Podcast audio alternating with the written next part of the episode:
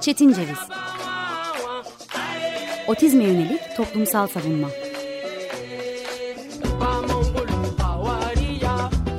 Hazırlayan ve sunan Deniz Yazgan 95.0 Açık Radyo'nun sanal semalarından herkese merhaba. Ben Deniz Yazgan Şenay. Bugün 8 Mart 2023 Çarşamba. Kainatın tüm nöroçeşitlerine açık Çetin Ceviz dinliyorsunuz. Hayatın hiçbir zaman geriye dönmeyeceği, eskisi gibi olmayacağı 30. gündeyiz ve bu 30. gün 8 Mart Dünya Kadınlar Günü'ne de tesadüf etti. Depremden bir ay iki gün geçti ve ihtiyaçlar ilk günkü gibi taze, acilliğini koruyor.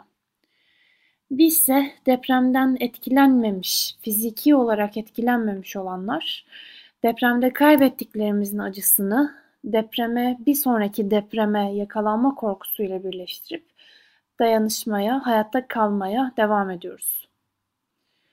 Depremin ilk günlerinde canlı yayında TED diyemeyen muhabirlerin hijyen paketi isteminden bu yana kadın olduğu için özür dileyen, ihtiyacından utanan ve ihtiyacından utandırılan çok depremzedeyle tanıştım. Depremden geçen bir ay deprem günü regl olan bir kadının ikinci kez regl oluşu anlamına gelirken yine mi diye tepki görmekten çekinen kadın depremzedelerle de tanıştım. Deprem bölgesinde hijyenik koşulların bir türlü oluşturulamamasından dolayı enfeksiyon geçirme tehlikesiyle yüz yüze olan depremzede kadınlar ve geçiren depremzede kadınlardan söz ediyoruz. Var olmayan afet politikaları artık bir yana yol üzerinde bulunan bu çözümlerin de üreticisi kadınlar değil. Ve kadınlar değilken deprem bölgesinde nöroçeşitli kadın olmanın ne demek olduğundan da söz edeceğiz bugün. Ve Avils Planning yapmadan yani sağlamcı açıklama yapmadan nöroçeşitli kadın depremzedelerin paylaşımlarıyla bunları aktaracağız. Buna başlamadan önce şunu da söylemek istiyorum. Tanı almamış birçok kadının bu travmanın ardından nöroçeşitli olduğunu fark ettiği de sahadan bize gelen bilgiler arasında. Bu fark edişin ardından hekimlere, psikiyatristlere yönlendirilmesi gereken kadınlar sahada bu ihtiyaçlarını karşılayamıyorlar. Saha bunu yapmaya elverişli değil yanıtıyla karşı karşıyalar. Ve teşhis almaları ve bu bağlamda destek görmeleri gerekirken tam tersine sakın böyle şeyler yakıştırma kendine bak neler gelecek başına biliyor musun gibi korkutulan kişi sayısı daha da yüksek. Nöroçeşitli kadınlar dört duvarsız bir hapis içerisinde kala kaldılar deprem bölgesinde. Bununla birlikte depremzede kadının görevleri erkeklerinkine göre daha fazla. Engelli Çocuk Hakları Ağı'nın değerli üyesi Cansın Kuvvet'in tespitine, isabetli tespitine katılarak özellikle evin erkek üyelerinin engelli çocuğun ihtiyaçlarını, ilaçlarını, rutinini bilmediğini veya yok denecek kadar az bilgiye sahip olduğunu, hadi biraz daha adilleşmeye çalışayım. Kadının bilgisine göre ezici bir şekilde bilgisiz olduğunu söylemek gerekiyor. Çünkü çadırda da nöroçeşitli çocuğa bakmak, onu tırnak içerisinde zapt etmek depremzede annenin veya en yakın kadın akrabanın görevi. Tüm bunları 8 Mart Dünya Kadınlar Günü çerçevesinden konuştuğumuzda depremde kadın olmanın depremde nöroçeşitli kadın olmanın zorluğu da farklı bir umutsuzluğa sürüklüyor bizi. Ama ben gerek artık bu kadar çok şeyin altında kalmışken, bu kadar fazla umutsuzluk varken daha fazla insanları tetiklemenin haddimi olmadığını düşündüğüm için biraz da aslında neler yapılabilirdi ve yeni depremler için neler yapılabilir bunlardan söz etmek istiyorum. Birçoğumuzun Açık Radyo'daki farklı programlardan da bildiği üzere Sendai belgesi var. Sendai Afet Risk Azaltma Çerçevesi 2015 ve 2030 yılları arasında devreye girmesi öngörülen e, daha doğrusu bu bağlamda planları içeren yerel yönetime ilişkin, yerel yönetim odaklarına ilişkin bir belgeden, bir çerçeve belgeden, temel referans belgesinden e, söz ediyoruz aslında Sendai afet riski azaltma çerçevesinden söz ederken. Bu belge 48 sayfalık bir belge. Engelli erişimine açık, erişilebilir bir belge ve içerisinde 6 kez engelli kavramı geçiyor. 7. fıkrada afet riskine karşı daha kapsamlı ve daha insan merkezli bir önleyici yaklaşımın gerekli olduğu söyleniyor. Bu uygulamaların yani afet risk azaltma uygulamalarının etkin ve verimli olmaları ancak çoklu tehlike ve çok sektörlülük temelinde kapsamlı ve erişilebilir olmalarıyla mümkündür deniyor.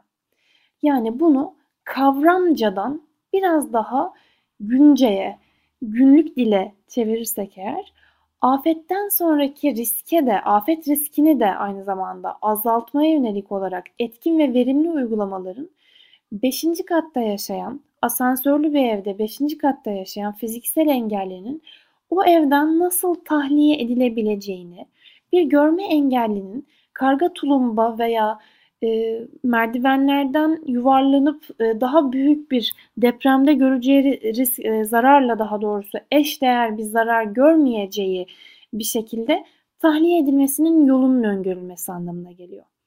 Evet biz engellilik denince çoğunlukla yeti kaybını hatırlıyoruz ve yeti kaybından tahayyül ediyoruz.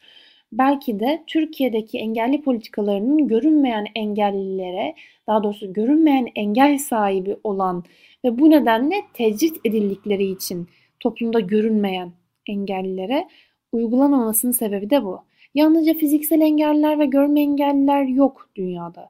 Ki onlar içerisinde onlar için de doğru çözümün bulunduğundan söz edemiyoruz hiçbir şekilde. Görünmeyen engelliler için neler yapılabileceğinden söz edeceksek eğer, bir otistik kişinin deprem anında nasıl evinden çıkması gerektiği, buna nasıl e, teşvik edilmesi gerektiği, ailesi tarafından veya yakınları tarafından nasıl yönlendirileceğine ilişkin politikanın da oluşturulması anlamına geliyor.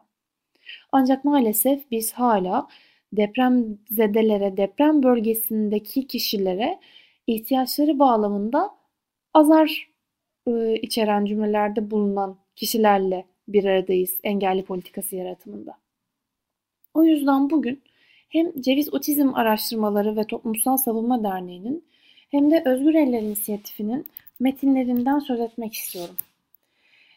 Ceviz Otizm Araştırmaları ve Toplumsal Savunma Derneği de Özgür Eller İnisiyatifi de Özgür Eller İnisiyatifinde yeni var olduğumu e, söylemekle birlikte, yeni bir heyecanda bulunduğumu söylemekle birlikte, e, içinde bulunmaktan onur duyduğum sivil toplum inisiyatifleri ve otistik depremzedeler ve yakınlarıyla iletişime geçerken yapılan hatalardan tutunuz da otistik depremzedelere ilişkin otistiği öngörmeden alınacak kararların sakıncasına dair birçok bilgi ve belge yayınında bulunmuşlardı. Cevizle başlamam gerekirse otistik depremzedeler ve yakınlarıyla iletişime geçerken yapılan hatalar bilgiseli şundan oluşuyor. Birinci hata ihtiyacı küçümsemek. Travma sonrası regülasyon için otistiğin ihtiyacına kulak verilmemesinin büyük bir hata olduğundan söz ediyor bu metin. Çünkü nörotipik veya nöroçeşitli hiçbir depremzedeyi belirttiği ihtiyacı dolayısıyla kötü hissettirmenin iyi bir fikir olmadığını söylüyor belge. Depremzedelerle dayanışma planında eğer otistiğin ve ailesinin belirttiği, altını çiziyorum, belirttiği, depremzede kişinin belirttiği ihtiyaç yoksa farklı bir sağlayıcıya yönlendirmek gerekirken bunu bir kurtarıcı kompleksine e, yorup çözüm bulunamadığında depremzedeye e, çatmanın kötü bir fikir olduğundan bahsediyor. İhtiyacı küçümsemenin de bunun şu anda yeri yok demenin de aynı şekilde. Bir noktada ihtiyaç atamak, büyük otizm odaklı sivil toplum örgütlerinin de bunu yaptığını gördük ve bu gerçekten büyük sorunların e, habercisi oldu bizim için. Otistiğin yerine geçerek ihtiyacı belirlemenin sömürünün bir başka türü olduğunu, Otistik depremzedelere ve ailelerine danışmadan, temel ihtiyaçlarına erişim durumunu sorgulamadan yapılan ihtiyaç atamaları ve bu bağlamda kişileri yani sağlayıcıları mobilize etme teşebbüsü yararlı kaynakları boşuna kullanmakla eşdeğerdir diyor Metin ve otistik üzerinden değer üretme anlamına geldiğini söylüyor. Yani otistik kişinin varlığı üzerinden tanınırlık, ün yaratmak zaten Türkiye'nin müzmin sorunlarından bir tanesiyken bir de bunun üzerine otistiğin sahip olmadığı ihtiyacı ben onu iyi tanıyorum, ben otistikleri iyi bilirim diyerek atamanın güçlüğünden ve bir hata olduğundan söz ediyor Metin. Devamında ihtiyacı öncelemek veya sonralamaktan söz ediyor üçüncü hata olarak Metin. İhtiyacın önem sırasını depremzedenin belirlemesi gerektiğini, destek sunanın bu bağlamda bir karar mekanizması olmadığını söylüyor. Destek sunmak üzere çalışmalarda bulunan kişinin otistik depremzedenin ihtiyacını ve aciliyet durumunu, bu ihtiyacın aciliyet durumunu öğrendikten sonra kendi seçimini depremzedenin seçimine yeğlememesi gerektiğini. Yani bunu şimdi sonra alsalar da olur biz şimdi bunu sağlayalım dememenin gerekli olduğunu söylüyor. Sağlama çabasının depremzedenin ihtiyacına göre şekillenmesi gerektiğini söylüyor. Dördüncü hata ise ihtiyaç dolayısıyla hiyerarşi yaratmak ki bu yalnızca otizm camiasında değil, depremzede ile iletişime geçen neredeyse herkeste gördüğümüz bir hataya dönüştü. Depremzede ile dayanışmayı depremzedeyi küçümsemeye dönüştürmenin bir insan onuru sorunu olduğundan söz ediyor Metin. Otistik depremzedelerin ve ailelerinin küçümsenerek ve hak değil hayır bilinciyle görüşme yap, e, yaparak depremzedelere edilgen kılmanın ve otistiklerle dayanışmakla değil üstün kılmakla daha doğrusu üstün hissetmekle ilgili olan meselelerin otistiğin onurunu ve otistik kişinin ailesinin onurunu yok saydığını belirtiyor. Son belirlenen hata ise ihtiyaç yinelendiğinde tepki göstermek. Halbuki dayanışma uzun soluklu olmalı. Otistik depremzedeler ve ailelerin ihtiyaçları yenilendiğinde, daha doğrusu yinelendiğinde daha yeni göndermedik mi gibi tepkiler vermenin depremzedeye küçümseyici nitelikte olduğundan söz ediyor Metin. Tıpkı kadınların döngüsel olarak regl olan kadınların bir kez daha pede ihtiyacı olduğunda bu ihtiyacı küçümsemek veya bu ihtiyaç dolayısıyla kişiyi kötü hissettirmekte olduğu gibi. Aslına bakarsak toplumun bir hiyerarşiye koyduğu insanlara yönelik tavrından söz ediyoruz. Depremin 30. günü olan 8 Mart 2023'te. Kadınlara yönelik olarak tavrın, engellere yönelik olan tavrın deprem anında da nasıl ortaya çıktığını ve otistik kişiye, engelli kişiye öncelik vermektense tam tersine ihtiyaçların buharlaştırılmaya çalıştığını veya rant yaratan ihtiyaçlara dönüştürülmeye çalıştığını görüyoruz ve artık buna olduğu gibi cesurca tepki vermek zorundayız. Bu cesur tepkilerden bir tanesi de Özgür Eller Otizm İnisiyatifi tarafından verildi. Bu metinde otizm ve engelli camiasını birlikte mücadele etmeye davet ettiklerini söylediler Özgür Eller ekibi. Deprem sürecinde kurucu bileşenlerinden olduğumuz Afet Otizm aracılığıyla irtibat kurduğumuz depremzede aileler adına tüm otizm camiasına sesleniyoruz diyerek başladı Metin. Depremin ilk günlerinden beri en öncelikli gündemlerimizin başında barınma ihtiyacı ve otistiklerin bir an evvel yeni rutinlere kavuşması var, diyor Metin. Geçen bir ayın sonunda başka pek çok depremzede gibi otistikler ve aileleri için de halen kalıcı veya sürdürülebilir barınma imkanları yaratılamadı. Geçici çözümler ve uygun olmayan koşullara sürüklenmek otistiklerin rutinlerini sürekli yeni baştan alt üst ediyor.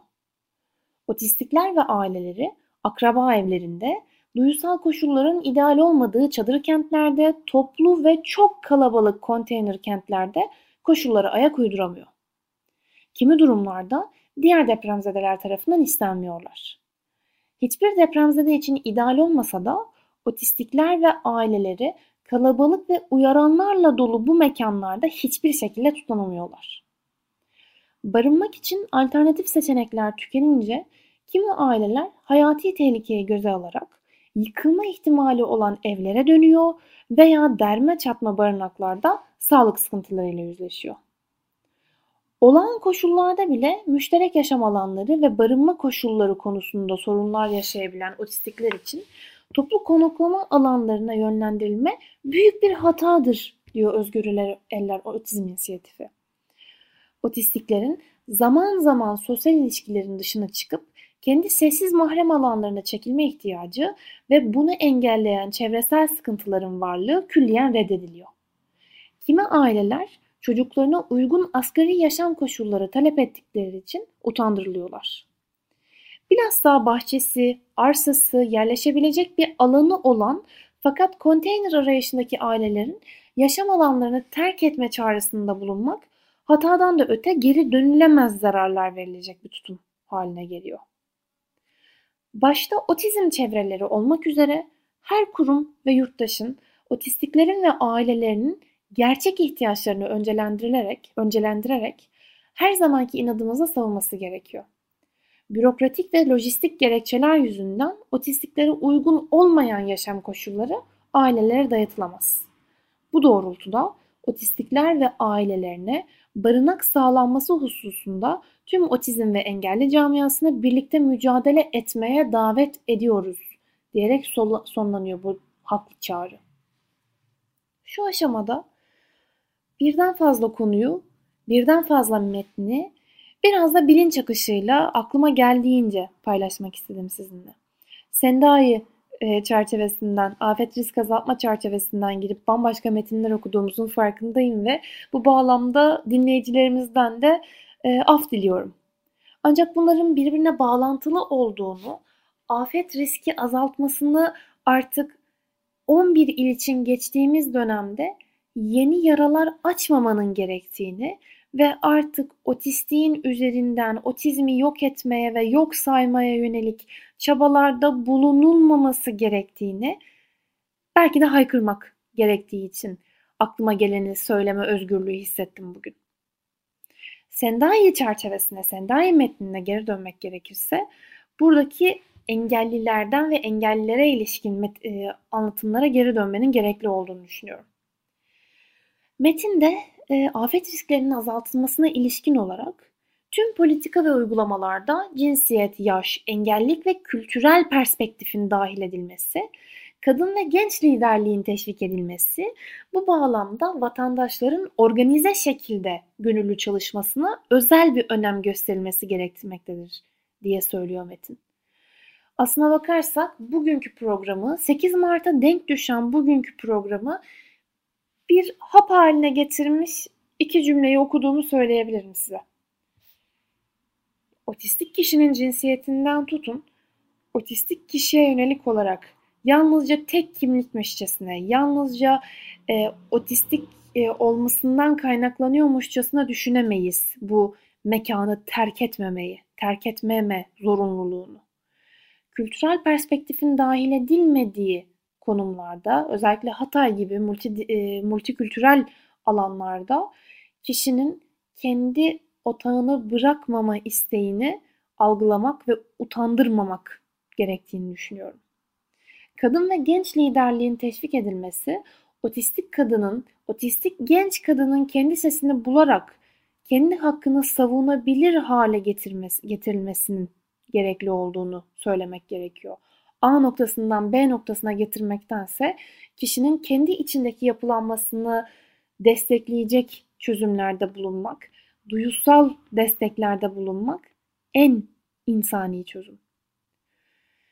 Metin devamında afet risklerinin azaltılması, çoklu tehlike yaklaşımını ve karar alma süreçlerinde risklerin dikkate alınmasını, cinsiyet, yaş ve engellilik dahil bölünmüş verilerin açık paylaşımını, aynı zamanda risk bilgilerinin kolayca erişilebilir, güncel, anlaşılır, bilime dayanan, kısıtlanmamış ve geleneksel bilgiyle tamamlanmış olmasını gerektirmektedir diye devam ediyor. İşte bu noktada belki kişisel verilerin korunması kanununa da atıf yapmak gerekiyor.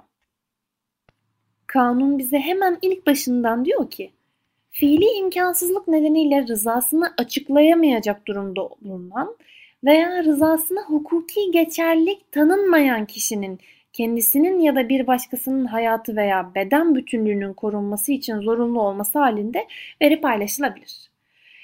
Bu bağlamda düşündüğümüzde depremde belki de göçük altındayken engelli kişinin bilgisinin paylaşılmasının özellikle işitme engelinden veya sözel olmamaktan veya depremin verdiği şok dolayısıyla konuşamamaktan gelen bir farklı halin söz konusu olması halini düşündüğümüzde bu verinin bizlerle değil, kişilerle değil, bunu kötüye kullanacak veya doğru güvenlikle koruyamayacak insanlarla değil, arama kurtarma ekipleriyle paylaşılabilir olması o kadar değerli ki.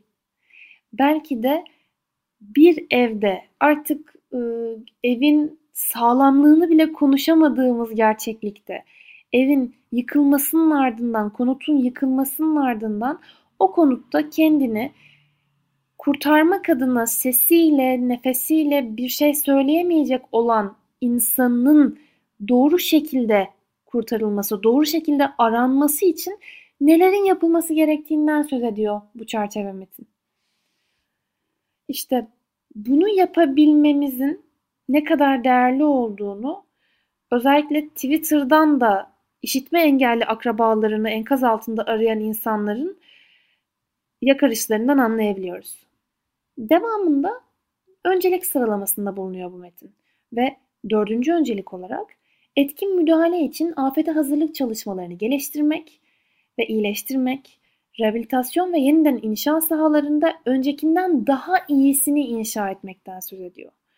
Ve insanların ve malların doğal afetlere maruziyetindeki artış da dahil olmak üzere afet risklerinin sürekli bir şekilde artması, geçmiş afetlerden alınan derslerle birleştiğinde afete müdahale için hazırlığın daha da güçlendirilmesine, olaylar meydana gelmeden gerekli adımların atılmasına, afet risklerinin azaltılması çalışmalarının müdahale hazırlıkları ile bütünleştirilmesine ve etkili müdahale ile iyileştirme için tüm seviyelerde yeterli kapasitenin hazır bulundurulmasına olan ihtiyacı işaret etmektedir diyor Metin.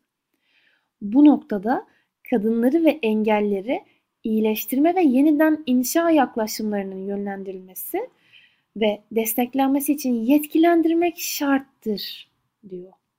İnsan hakları e, pardon özür dilerim engelliyi açıklayan insan hakları modeli çerçevesinde engelliyi açıklayan sosyal model çerçevesinde adım atmanın ne kadar önemli olduğunu bu metnin 30. sayfasında bir cümleden bile anlayabilir durumdayız.